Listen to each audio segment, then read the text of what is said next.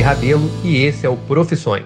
Pessoal, então mais uma vez boa tarde. A gente vai conversar hoje com Alexandre Espírito Santo, que é economista, ele é formado pela UERJ. Ele também fez MBA em Finanças pela IBMEC. Na IBMEC ele também é professor, já tem mais de 20 anos aí de estrada, né, Alexandre? Isso. E atualmente ele é economista-chefe da Orama. Enfim, está tra trabalhando com investimento, foi a pioneira no Brasil aí em trazer, em facilitar investimento online para o consumidor. É, Alexandre, para a gente começar, primeiro, muito bem-vindo, né? Obrigado por ceder com a gente aí a tua experiência, por fornecer esse conteúdo para a gente. Nosso público em geral está fazendo vestibular, então eles estão te olhando aí como um, um exemplo, né? Uma inspiração. Cara, é, primeiro eu queria agradecer o convite. Eu gosto muito de participar desse tipo de evento, né? Estou acostumado, porque, é, como você mencionou, estou há 20 anos é, como professor e é, já fui diretor de curso, fui diretor do curso de RI é, na SPM há um tempo atrás e eu ia muito nas escolas fazer esse tipo de evento presencialmente, é claro. É, e eu gosto muito dessa interação, porque é, a maneira da gente tentar é, ajudar as pessoas é trazer experiência. Né? Eu sou é, uma pessoa é, muito aberta ao diálogo, eu acho que a juventude tem que tomar decisões muito cedo em relação à sua vida profissional, e isso eventualmente não é legal. Uh, falo por mim mesmo, porque é, quando eu estava aí é, no lugar deles, né, quando eu estava no segundo ano, né, na minha época chamava é, segundo grau, né, hoje os nomes são diferentes, mas é, é equivalente. Eu queria fazer engenharia química, né, e acabei virando economista. Na hora H eu né, saí né, de algo que eu pensava muito seriamente, tinha feito vestibular no segundo ano, para engenharia química, havia sido aprovado, inclusive, e na hora H mesmo de fazer lá, o, de preencher no vestibular, não tinha Enem, essas coisas é, modernas, acabei optando pela é, economia, que era a profissão do meu, do meu saudoso pai, e é, acabou dando certo, né? Porque depois é, eu fui como você mencionou, fui estudar na UERJ.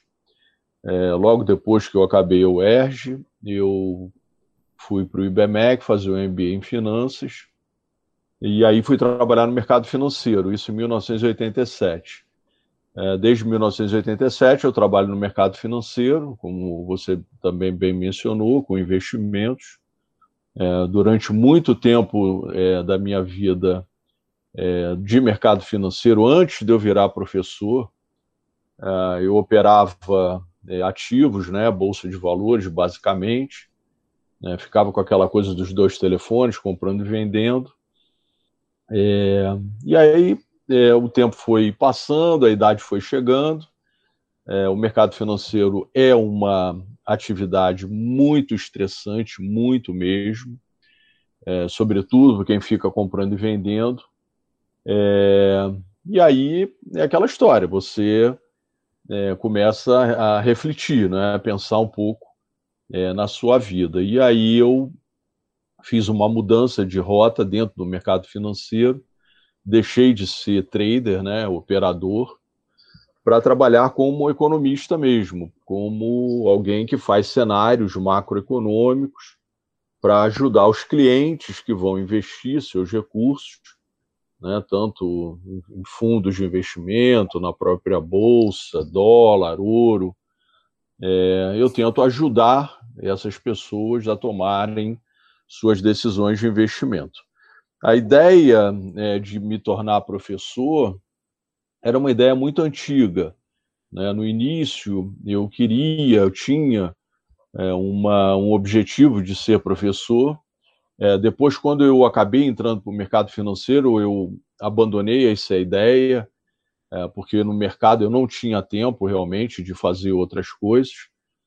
E, e aí, no, em 1999, é, um colega meu de faculdade tinha ido lá para fora estudar, fazer doutorado, e aí, quando ele regressou ao Brasil, ele é, veio para uma instituição de ensino superior é, aqui no Rio de Janeiro como pró-reitor de ensino, e aí eu é, ele me chamou para uma conversa e perguntou se eu não queria é, dar aula para trazer um pouco da minha experiência né, como é, um cara de mercado financeiro, se eu não queria né, entrar para esse mundo da academia.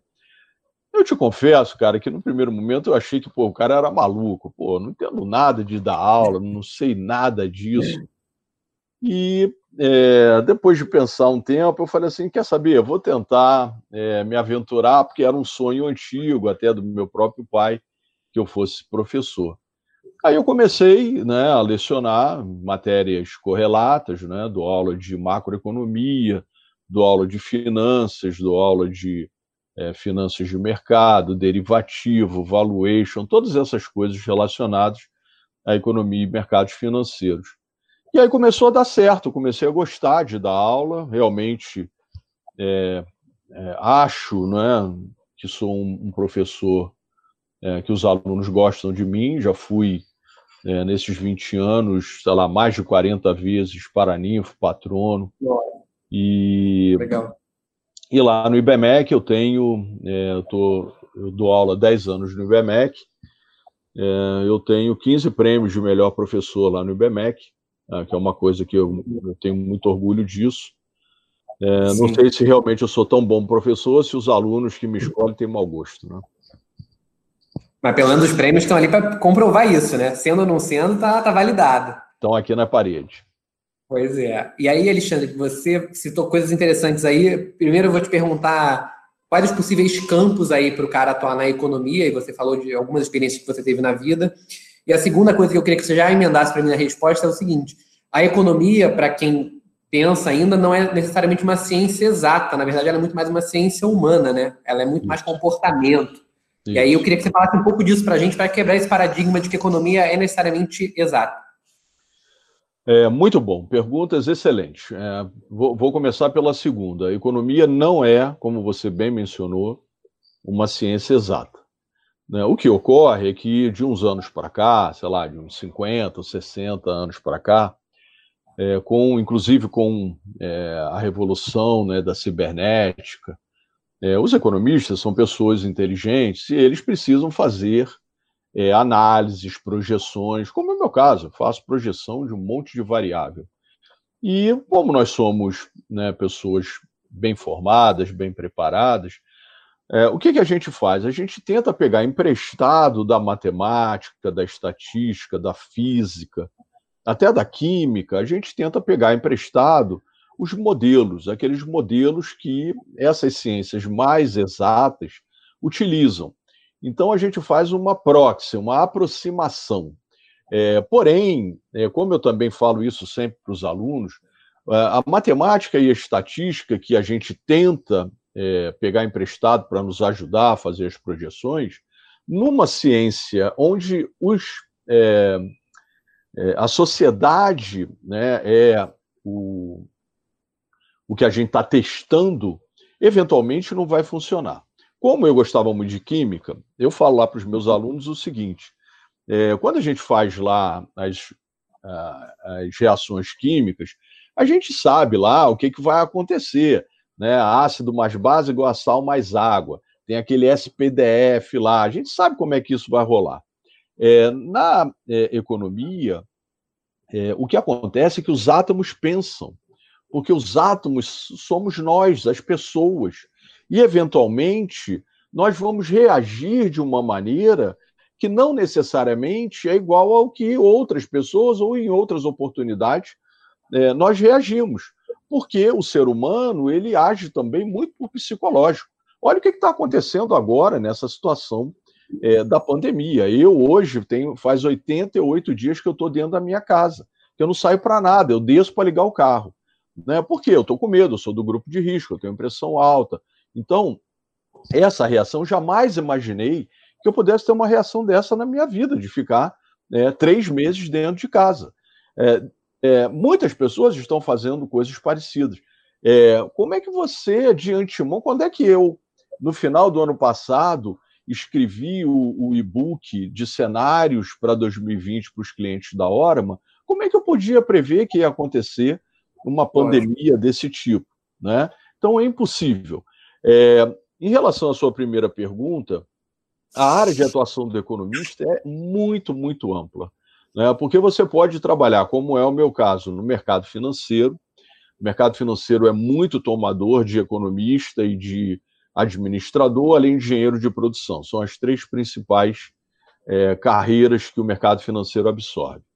É, além disso, você pode trabalhar no setor público, né, numa empresa do governo, né, como economista, para fazer orçamento, para fazer cenários, né, para fazer análise de projeto, para ver se projetos são viáveis ou não. É, também pode trabalhar no setor privado, né, a maioria, inclusive, vai trabalhar no setor privado, é, para fazer gestão, para fazer é, administração da firma, é, para fazer análises econômicas, projetos que eventualmente a firma vai fazer. É, e você pode, como é o meu caso também, ser professor, virar professor. A área de atuação do professor de economia, ela é uma área extraordinária, ela gera muito campo de pesquisa, porque a economia ela é dividida em duas é, vertentes. Né? Você tem a macroeconomia, que é onde você estuda a economia é, como um todo, agregado, a economia do país.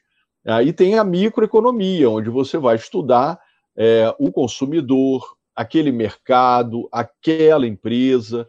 Então, essa divisão da economia em micro e macro, ela abre um leque enorme de possibilidades para aqueles que se formam. Inclusive, é, na, na hora que você sai da, da, da graduação e vai fazer mestrado, né, eu, por exemplo, fiz mestrado, o meu mestrado era é, muito focado em macroeconomia. Então, é, inclusive as, é, as, instituições de mestrado, elas vão te direcionando, ó, você quer mais microeconomia ou você quer mais macro. E aí tem, além disso, só para completar, é, o pessoal que gosta realmente muito de matemática, de estatística, Sim. e esse cara, ele acaba indo para uma vertente também da, da economia que ganhou muita importância nos últimos 20 anos, que é a economia matemática. Que aí o sujeito ele vai estudar muito mais matemática e vai aplicar a matemática dele em coisas da economia.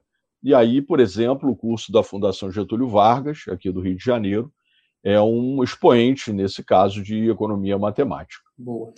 Você começou a tua resposta e você citou lá, lá no começo o que você não imaginava, obviamente, como ninguém esperava, uma pandemia desse porte, não. escala global, enfim, parando tudo.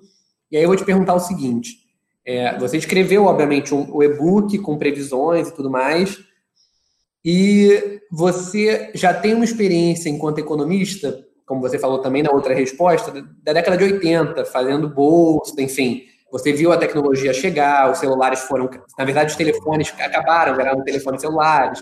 Aquele monte de papel que a gente imagina em bolsa já não existe mais, é tudo online. Hoje a Orma, a gente vai falar dela lá na frente, está trazendo esse formato de operação em casa, que as pessoas podem operar de fato. E a minha pergunta diretamente é a seguinte: você viu também a crise de 2008, você viu crise do petróleo, você teve essas experiências. A gente está no momento de uma crise grande, não só econômica, mas, enfim, de saúde, uma crise política é. também, tudo isso. Como é que você imagina a gente saindo disso? É só reconstruir a economia ou a gente vai mudar o formato de entender a economia? Do jeito que está, não está certo, por exemplo. É. Veja, é, a crise de 2008 foi uma crise muito, muito grave. Muito grave. Essa eu consegui antecipar eu antevi a crise de 2008 no final de 2005. Que foi é, a dos títulos, é isso? Que foi a do, a do subprime. É, isso. Essa eu antecipei, eu escrevia no Valor Econômico, no jornal, hoje em dia eu escrevo no Valor através do site, depois eu passei para a garotada, é, para eles já me acompanharem, se quiserem, toda segunda-feira tem um artigo meu no Valor. É, e ali em 2008, é, é, a crise de 2008 dava, é, com algumas é, dependendo de algumas análises que eu fiz, e nesse aspecto realmente eu tive muita sorte, eu antevi o que ia acontecer. É, essa agora não dava para é, antever, porque é uma questão de saúde pública, é uma questão é, de um vírus que ali na China ninguém sabia direito o que, que era, né, as informações não fluíam adequadamente, e quando começou a vazar no carnaval, é que a gente se deu conta de que era algo, quando chegou na Itália é, e na Espanha, que a gente se deu conta.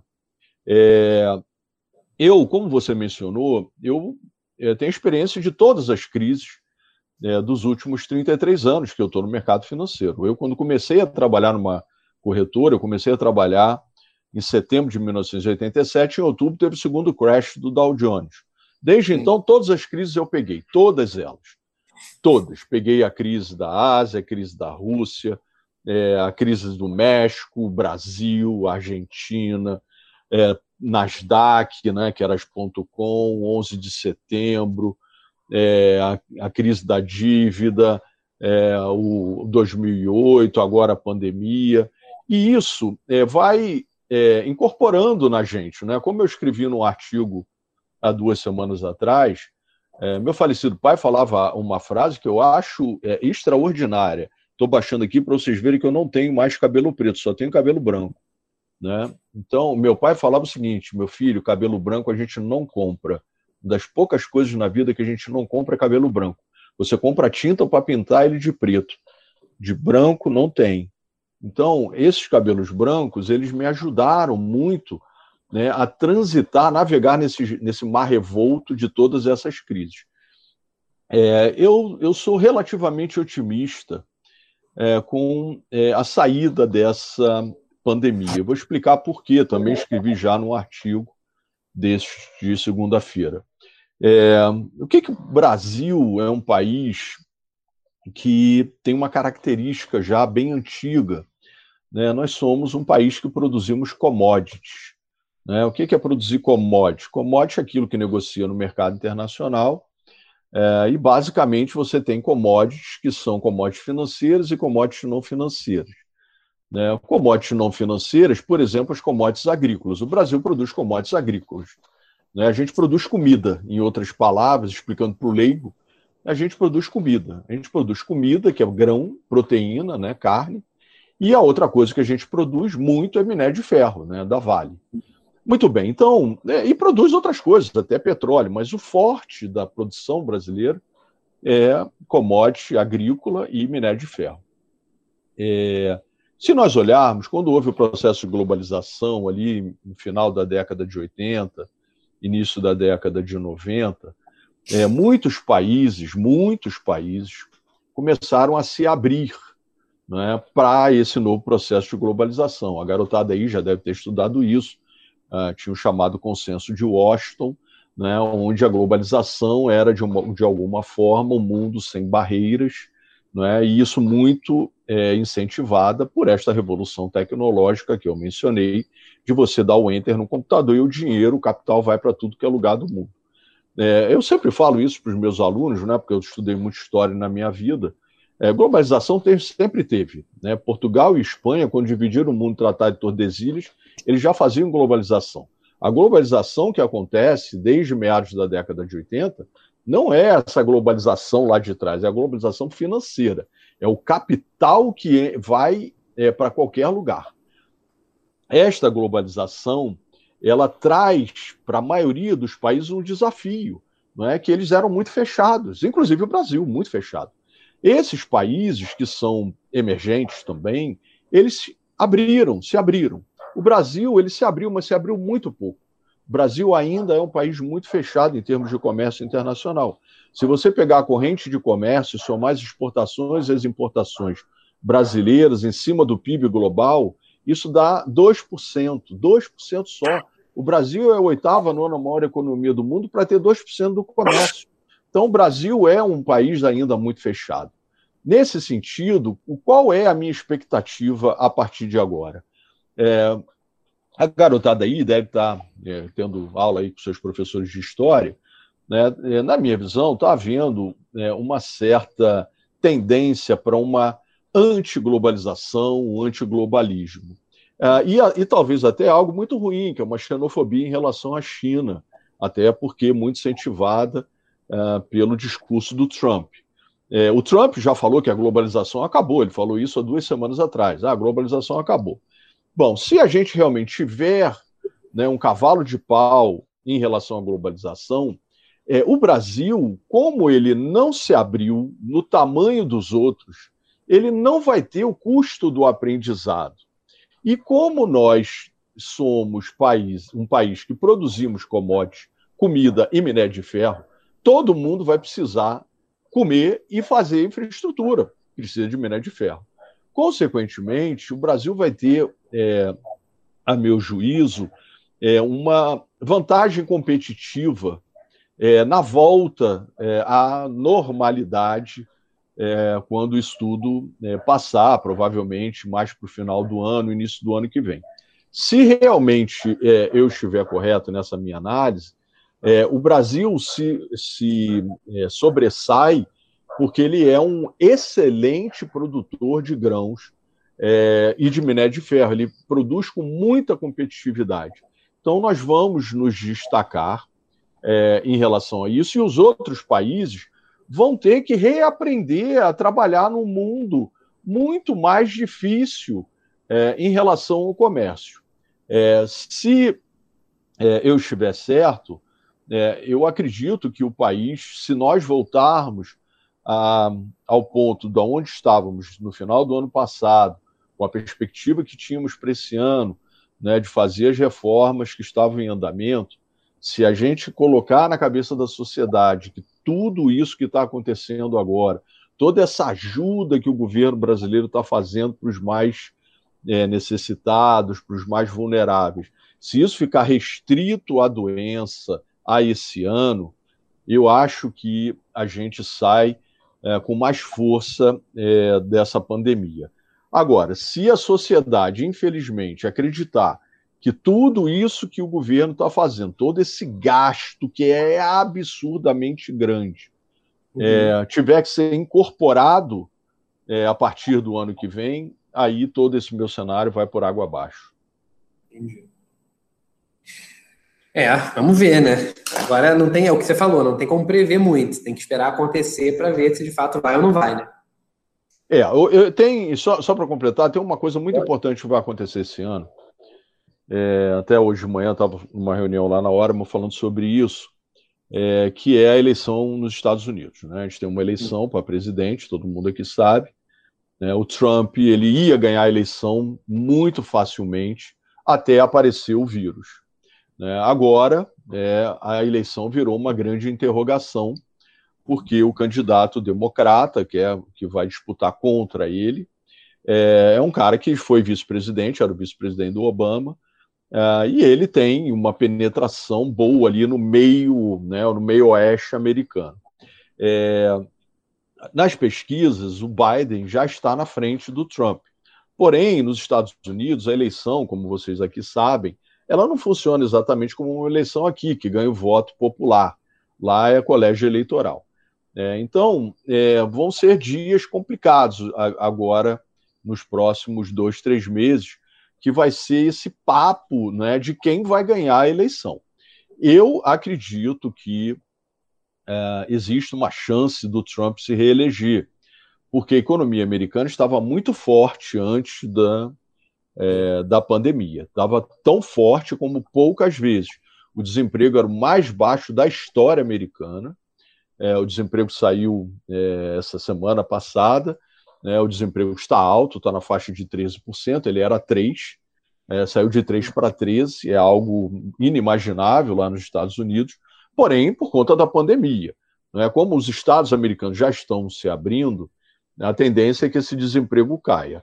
Porém, é, vão ser dias difíceis e o mundo inteiro vai ficar olhando para essa eleição nos Estados Unidos, porque se o Trump perde, você vai ter uma reorganização da ordem política internacional. Porque o Trump, ele é um cara, como todo mundo aqui sabe, que ele elegeu os adversários. Ele, ele elegeu Xi Jinping para ser o adversário dele, é, e ele tem a China como é, aquele inimigo. Né? E os americanos eles têm a China como inimigo realmente. É, só que o, o, Trump ele fica alimentando essa situação. Então é, é, algo que a gente vai precisar entender, porque se o Biden vence, aí a gente tem um mundo bem diferente. É, vamos aguardar. Vamos aguardar. Vou aproveitar que você falou um pouquinho da Orama no começo e vou tentar entender, para você explicar para a gente, no caso, né? Como é o teu dia a dia na Orama? O que, que acontece ali? O que, que é a Orama? Como é que funciona? E o que, que você faz? Legal. Bom, é... minha vida, sem ser pandemia, era uma vida bem agitada, né? É... Porque é... eu tenho uma vida dupla, né? Eu tenho dois carachás, tenho da Orama e tenho do IBMEC. É... Na verdade, eu fico dois dias na Orama, lá na Orama mesmo, né? segunda e sexta, e terça, quarta e quinta eu fico no IBMEC, que são meus dias de aula. É, hoje isso é possível porque é muito fácil, a gente com celular, né, com WhatsApp, a gente fala o tempo inteiro, falo lá com a minha equipe. Eu tenho uma equipe muito pequena, é, porque a empresa é uma empresa ainda relativamente nova. É, algumas pessoas da minha equipe são meus ex-alunos, né, que, eu, que eu sugeri. Aliás, lá na Orama, é, a quantidade de ex-alunos que eu tenho, é uma coisa. Né, parece que na hora que eu entro lá, parece que eu estou entrando no IBMEC, de tanto ex-aluno que eu tenho. É, e é óbvio, né? Eu, se a gente está precisando de estagiário, eu sou professor, eu dei aula, conheço as pessoas, sei da, do potencial. Olha, esse cara se encaixa nessa vaga. E aí, na maioria das vezes, dá certo. Não 100%, mas na maioria das vezes dá. É, o que eu faço né, lá na Orama é, basicamente, é, cenários econômicos, ou seja, eu tento vislumbrar, antecipar né, os próximos movimentos da economia brasileira e da economia mundial. Né, nesse sentido, ver se a economia vai crescer, né, quais são as dificuldades, é, qual é a taxa de juro, qual é a inflação, de que maneira o Banco Central vai atuar na reunião do Copom. Semana que vem tem reunião do Copom, ele vai cair a taxa de juro. Hoje o Fed, o Federal Reserve, que é o Banco Central Americano, hoje ele se reuniu, manteve a taxa de juro próxima de zero.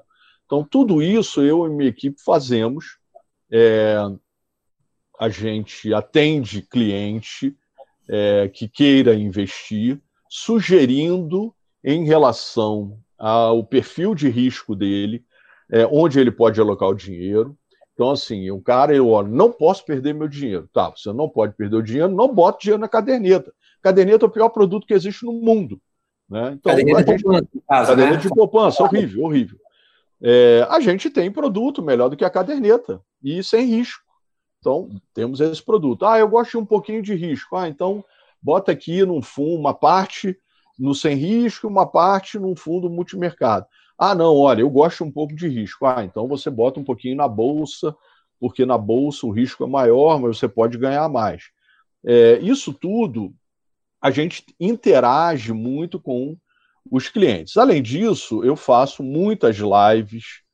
É, normalmente, não só na pandemia, a gente faz muita live é, através do Instagram, né, da hora, quando quem quiser é, pode se inscrever lá.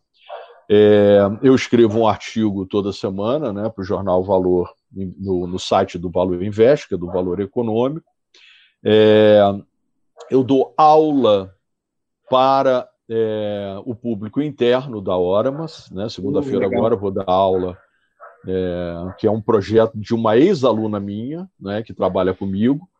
É, ela tem esse projeto né, de pegar é, a galera que está chegando na Orama é, e ter aula de finanças, de finanças de mercado comigo. Né? E aí eu ensino para eles o que, que é uma taxa de juro, o que, que é o dinheiro no tempo, matemática financeira, né? essas coisas que eu, que eu né, dou aula normalmente, a gente faz esse projeto lá também. Tem muitas é, gravações minhas para garotada que quiser é, no YouTube, são aulas muito curtas, né, 5, 6, 4 minutos. É só você entrar no YouTube da Orama, bota lá Alexandre Espírito Santo Orama no YouTube, que vão aparecer as minhas aulinhas.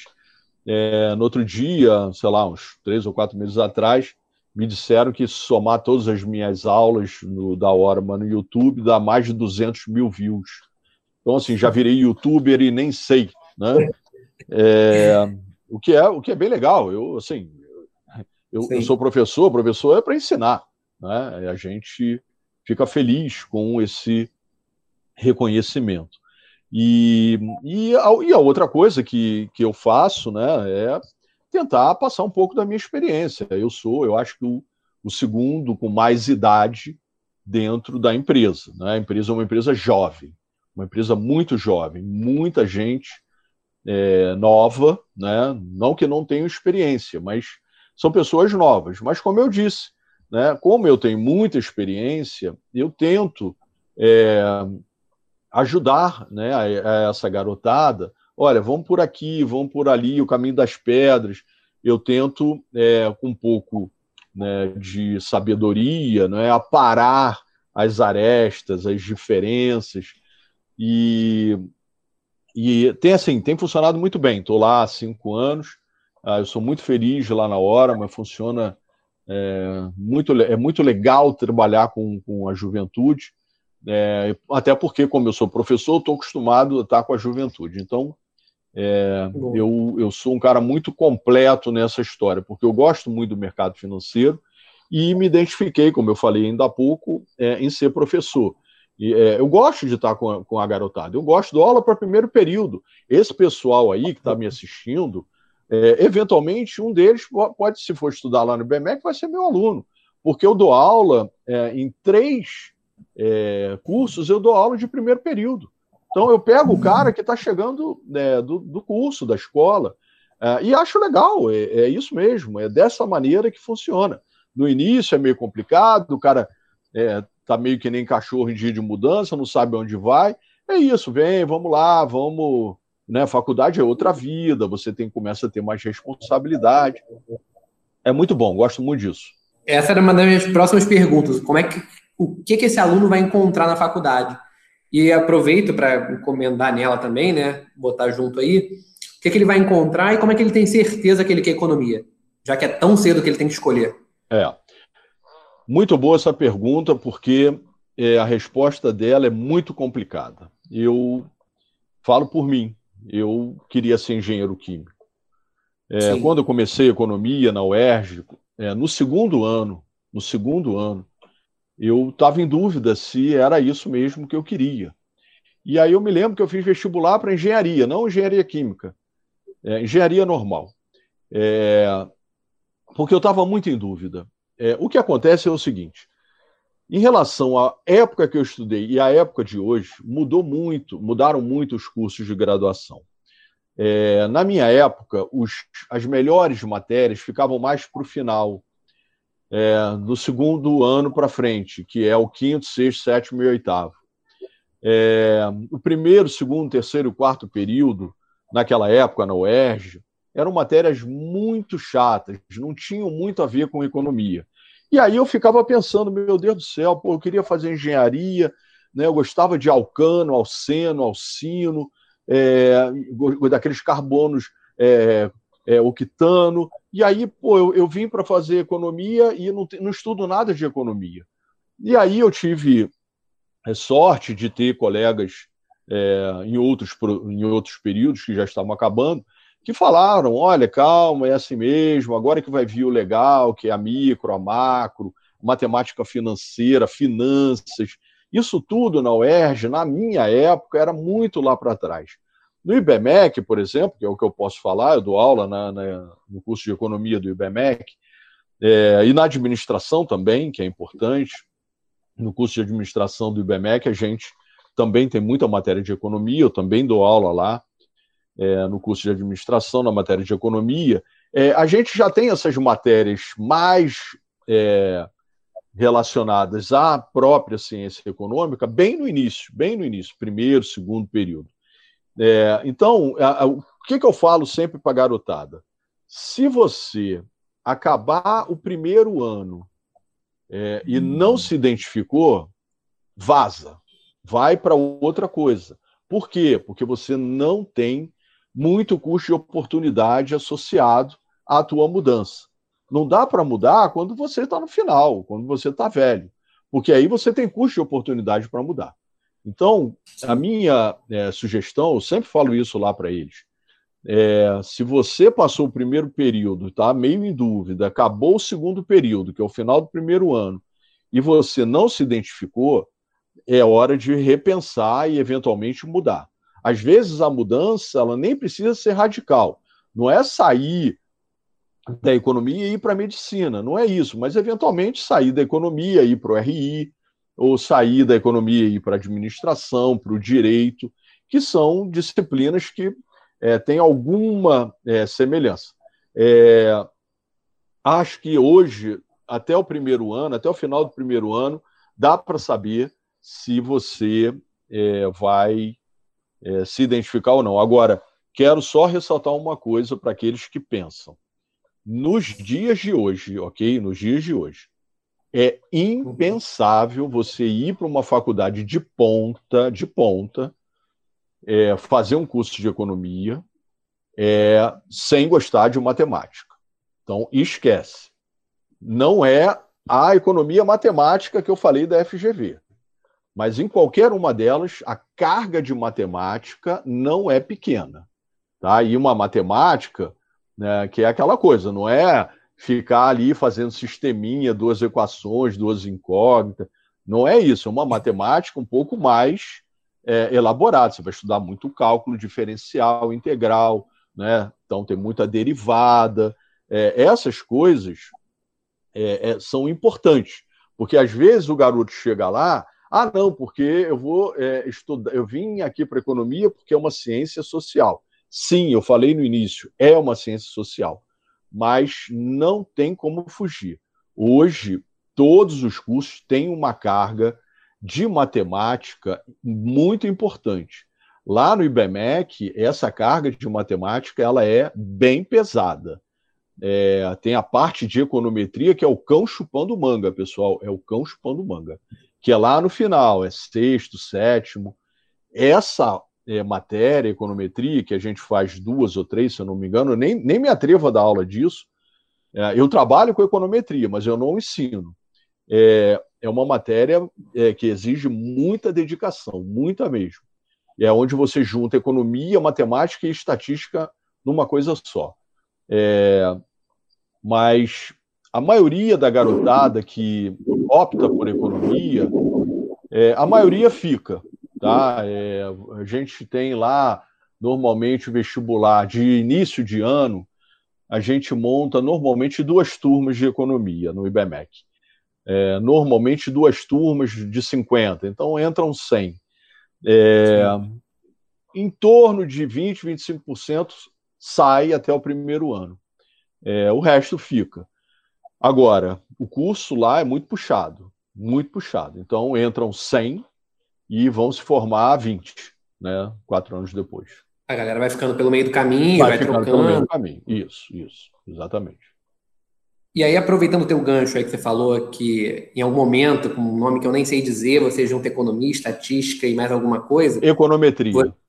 Ergonometria. E você... Econometria. Econometria, desculpa. Isso. Vamos lá. É, estatística é uma matéria que a galera vai se deparar em outros cursos também, né? Comunicação Sim. tem estatística. Estatística Sim. é uma matéria que a maioria dos cursos vai apresentar no primeiro período, primeiro, segundo. Certamente. Eu trabalhei, como eu te falei, trabalhei muitos, eu trabalhei oito anos na SPM. É uma faculdade extraordinária, né, onde tem lá, principalmente, curso de comunicação, né, tem curso de administração, um curso um pouquinho diferente, tem curso de design. É, eu era o chefe de departamento das matérias de economia, finanças e estatísticas e contabilidade na SPM. É, todas essas matérias, inclusive economia, tem na SPM no curso de comunicação, até no curso de design. É, estatística, finanças, tudo isso tem. Sabe por quê, pessoal? Hoje é impensável você trabalhar é, numa grande empresa, numa área de gestão, de gerência, sem que você saiba fazer conta, sem que você saiba é, fazer um orçamento, apurar um resultado, ver se um projeto é viável. E para isso a gente precisa de matemática financeira, de finanças e da estatística. O problema só é como a gente ensina isso nesses cursos, é uma, de uma maneira diferenciada. Como eu falei aqui no início, eu dou aula no IBMEC, no curso de comunicação, eu dou aula de matemática financeira. Só que a matemática financeira que eu ensino no curso de comunicação é diferente da matemática financeira que eu ensino lá no, no pessoal da economia. Lá no pessoal da economia, eu sento o dedo. Na comunicação, a gente vai um pouquinho mais, né? Porque não é aquilo que o cara. É, não é o business dele. Na economia, eu sento sarrafo. Por quê? Porque se o cara não sabe economia, é, matemática financeira, finanças, aí ele vai ter um problema. Não é o cara que vai se formar no IBMEC. Então, é, é, muito importante isso, pessoal. Os cursos hoje, eles são muito a cara da instituição que você vai escolher. Pensa nisso, pessoal. Se você quer realmente é, fazer uma boa graduação, pensa em qual é a faculdade que você quer ir. Né? Porque o ideal é que você vá para aquela onde é, exista DNA. Então, vejam, pessoal, eu estudei no IBMEC em 1987. Vocês nem sonhavam em nascer. Em 1987, o país estava engatinhando, saindo da ditadura. Né? Eu estudava é, no IBMEC. Então, o IBMEC, eu estudava o que lá? Finanças. Né? Então, o IBMEC ele tem essa tradição, esse DNA de ser é, uma instituição com é, é, o seu DNA de economia, finanças, é, mercados financeiros. Existem outros cursos lá, porém, é, o que mais é, atrai são esses cursos tradicionais, economia, administração, engenharia de produção. Engenharia de produção bota um monte de aluno para dentro. Sabe onde eles estão trabalhando, pessoal? A maioria dos meus alunos de engenharia de produção, é, alguns lá na Orama, eles trabalham no mercado uhum. financeiro. Fazendo operação, fazendo o dia a dia mesmo, né? Trabalhando na mesa, trabalhando com risco, com muita estatística, muita máquina. É, entendam uma coisa, pessoal: hoje uma, a, a, parte mais importante do mercado financeiro não é mais o ser humano, é, é a máquina. Né? Existem muitos fundos que hoje você não tem mais o gestor ser humano. É, quem gere o fundo é a máquina, né? é o que a gente chama de algoritmo. Você só precisou do ser humano para programar o algoritmo. Se, é, tirando isso, você liga o computador da corretora é, no, no servidor da bolsa e ele fica vendo lá os parâmetros que o algoritmo que foi programado é, dá e ele fica comprando e vendendo. Ele faz zilhões de operações todo dia. Então, o que, que você precisa? Você precisa é de pessoas é, que saibam muito, é, é, muita programação. Né? Eu costumo dizer Sim. sempre para os meus alunos: pessoal, eu tenho 56 anos, eu sei falar inglês e sei programar em Visual Basic. Eu, se fosse eu, hoje eu estava perdido. Porque não adianta hoje só falar inglês e só saber Visual Basic. É, hoje, você que vai trabalhar no mercado, você precisa saber programação, programação, e precisa falar outros idiomas. Né? É, mas tudo bem, eu já passei da minha metade, vocês estão começando a vida. Então é muito importante isso. É, às vezes eu pergunto lá, não, você sabe Excel? Não, professor, eu sei Excel, claro. Na célula 1 eu boto o número 2, na célula 2 eu boto o número 2, na célula 3 eu boto igual, a 1 mais a 2 deu 4. Olha aí, eu sei Excel. Putz, esquece, esquece programar em Excel, Visual Basic, tem que saber minimamente Visual Basic. Então aí também já é uma dica para a galera que quer entrar em economia e pensa em Certamente. trabalhar com o mercado, ficar atento, porque nem sempre as faculdades vão ter esses cursos, né, para dar essa opção, essa base. Tem. Isso, isso é muito importante. No IBMEC a gente tem. No IBMEC, Sim. grande parte dessas disciplinas, elas são dadas em aula normal, no, na sala de aula e no laboratório, para a gente poder usar os softwares não é usar o Excel. O Excel hoje não é nada. Você tem softwares que são desenvolvidos para a econometria, essa maluca aí que eu falei. Você trabalha Sim. com software. Você pode fazer até no Excel, mas no Excel vai dar tanto trabalho, tem software que foi desenvolvido para você fazer. Então, você, a gente ensina a mexer nos principais softwares, porque na hora que você for trabalhar no Banco Central, no IPEA ou numa empresa privada, o que, que você chega lá, o que, que você vai enfrentar? Você não vai enfrentar o Excel, você vai enfrentar é aquele software, porque todo mundo usa. E aí o aluno ele já precisa ter de antemão alguma experiência naquele software é, e a gente faz isso, é, com certeza. Boa. Como eu falei no começo, a, a Orama facilitou um pouco a vida das pessoas na hora de investir, não só a Orama, como outras também, XP, Sim. Tem outras operadoras que as pessoas podem operar de casa, investir, tem um corretor e tudo mais. Sim. E aí eu vou te perguntar o seguinte, Alexandre, você viu isso acontecer, né, essa mudança de paradigma, que a gente tinha a poupança como um mito, e ela começou a ser desconstruída aos pouquinhos, à medida que essas empresas foram chegando e dando base, arcabouço para o pessoal poder investir. Mas você imagina que em breve a educação financeira se torna uma matéria das escolas, por exemplo? Você sente falta disso para os seus alunos? Cara, porra, foi a melhor pergunta que você fez, não desmerecendo as outras. É, esse é o problema do Brasil. O Brasil tem um grave problema. Desde muito tempo, desde sempre, é, o Brasil não tem educação financeira no ensino fundamental nem no ensino médio. Agora é obrigatório, a partir desse ano, é, entrou no currículo, na, na, no currículo de base é, a obrigatoriedade. É, esse é, problema é, nos trouxe uma série de consequências. O brasileiro ele não entende o processo de poupança, né? não de caderneta de poupança, o que é poupar, o que é projetar a sua aposentadoria, a sua velhice. Vejam, pessoal, ano passado o Brasil fez uma reforma da Previdência. Essa reforma da Previdência eu ouço desde que eu sou criança, né, que era necessário fazer. É, muita gente, por conta desse fla-flu político que a gente está vivendo desde 2013, é, alguns eram contra a reforma da Previdência. É, a reforma da Previdência era absolutamente necessária. Por quê? Sabe o que, que acontece? é, há muitos anos atrás, a pirâmide etária brasileira, ela era uma pirâmide, uma pirâmide. Hoje, como é que é a sociedade brasileira? Ela é que nem eu, é fina, gorda e fina. Então ela é assim. Ou seja, você começou a mudar a estrutura etária do país. Daqui a mais 10, 15 anos, essa estrutura etária, a pirâmide, vai ser assim, ó, de cabeça para baixo. Então você vai ter muita gente idosa, muita, e menos jovem.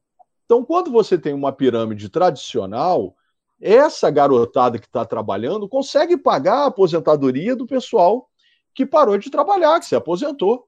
Mas se a pirâmide inverte, você tem muita gente aposentada e pouca gente, menos gente trabalhando. Então, como é que você sustenta é, esse pessoal que se aposentou?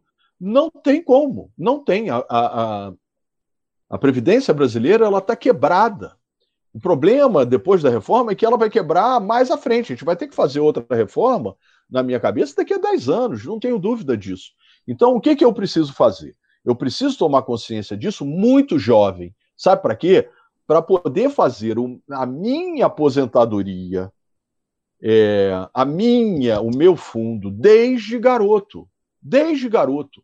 Desde é, 14, 15 anos, porque a matemática financeira tem uma coisa extraordinária. Vocês estão estudando é, funções, vocês sabem disso. Olha para o que está acontecendo agora é, com a doença, é uma função exponencial. Né? Quando você pega o desenho da Covid, né, é uma função exponencial, tanto é que você tem que botar em escala logarítmica. É, a matemática financeira, o dinheiro ele acumula numa função exponencial. Então, o tempo é a teu favor, o tempo é a favor da matemática financeira da capitalização. Então, quanto mais cedo eu fizer, mais dinheiro eu vou ter lá na frente. E aí, quando eu me aposentar, se o governo não me der a minha parte, eu vou ficar muito chateado, claro que vou, mas eu vou ter dinheiro. Agora, imagina você que trabalhou a vida toda, não poupou, não poupou, e vai chegar lá é, e pede sua aposentadoria e o governo não vai ter dinheiro para te pagar. Olha, como é que você vai sustentar a sua família? Pensa sobre isso. Mas qual é o drama? Lá nos Estados Unidos, na Europa, a garotada sabe isso desde a idade lá de 14, 15 anos. Aqui não.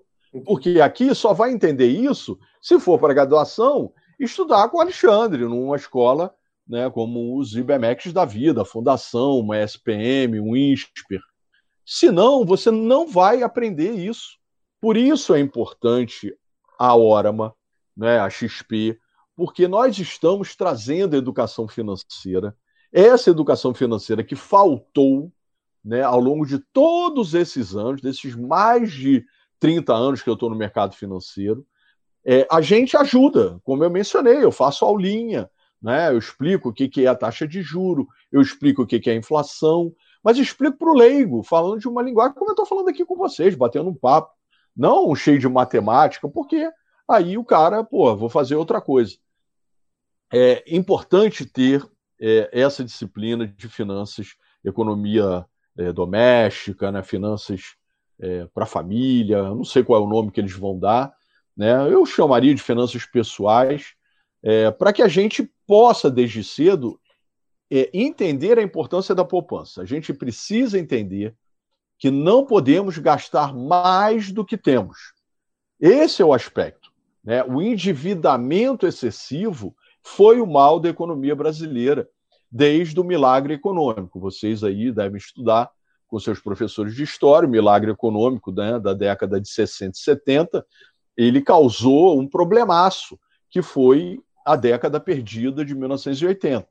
Né? E foi por conta de um endividamento absurdo uh, que, o país, que o país fez. E aí, quando teve o choque do petróleo, que vocês mencionaram aí mais cedo, é, o mundo entrou em colapso e o Brasil, que estava totalmente endividado, é, não teve como honrar a sua dívida. É, agora, esse, essa década que acaba né, esse ano será outra década perdida, né? porque nós tivemos o governo da Dilma, uma recessão enorme no segundo governo dela, e vamos ter essa recessão brutal aí por conta da Covid. Teremos uma segunda década perdida. Então, a década de 80 e a década de 2010 serão duas décadas perdidas é, na minha vida. Na vida de vocês, não, porque vocês não viveram na de 80. Tomara que fique restrito somente esta década de 2010 e a partir do ano que vem a gente possa, como eu comentei, né, ter um desempenho melhor. Essa é a minha, pelo menos a minha quimera. Né? A gente está começando a arrumar para o fim, a gente vai para seis horas. E aí eu vou te perguntar o seguinte, Alexandre, você que enfim está sendo tão generoso com a gente, pô, qual dica que você dá para essa galera que está aqui, para mim, enfim, para a Tati também que está fazendo o chat, para quem está conversando contigo hoje num cenário econômico? O que, que a gente deve fazer? Olha, tem muitas coisas que a gente pode fazer e colaborar.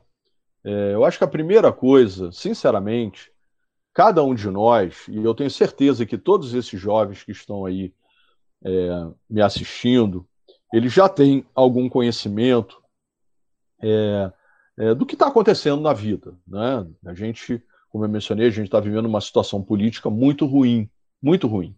Então, a primeira coisa que eu peço a essa juventude é que ela não entre nessa polarização, nesse fla-flu.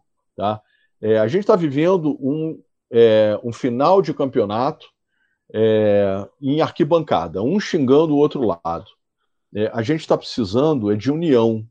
É muito difícil é, sair do que a gente está vivendo sem é, união entre as pessoas. É, se você me perguntar se eu acredito nisso, sinceramente, eu sou descrente, mas é a minha melhor sugestão. Não caiamos Sim. nessa ideia é, de que é, ficar xingando o outro lado vai resolver. A segunda coisa é, que eu sugiro é que é, você tenha é, objetivos concretos na sua vida em relação às finanças. Tá? É, o que, que eu quero dizer com isso? É, eu sei que é difícil a gente olhar o futuro, é né, sempre um desafio, é, mas eu acho que a gente tem que é, estabelecer é, objetivos e prazos. Né? Então, o primeiro deles é fazer uma reserva. O que, que é essa reserva? É você né, convencer seu pai, sua mãe, que a sua família precisa ter entre seis meses e um ano é, de, uma, de uma reserva, explicando para o leigo, dinheiro guardado para um revés que pode acontecer na vida. Né? Perder o emprego, ter uma doença na família é, e, eventualmente, você se vê diante de uma situação gravíssima. Se você não tem a reserva, você pira. Se você tiver a reserva, você consegue raciocinar. Então, a minha sugestão, eu sempre falo isso lá para os é, clientes da hora, nos, nos, nas lives, é entre seis meses e um ano de, é, de reserva. A partir daí, você começa a estabelecer os seus objetivos não é, de investir o dinheiro para o futuro. É, e não, por fim, não gastar com bobagem. Nós somos é, consumistas. Né? A sociedade ocidental ela é consumista. Por que, que a China cresce tanto? Porque a China poupa mais de 40% do PIB. É, o Brasil poupa 15%. Né? Então é, é impensável crescer o tamanho da China com o nível de poupança que a economia brasileira faz. Mas por que, que o Brasil poupa pouco? Porque ele gasta muito, ele gasta pra caramba, gasta com coisas que eventualmente não, deveriam não deveríamos gastar. E isso deve acontecer na sua família também.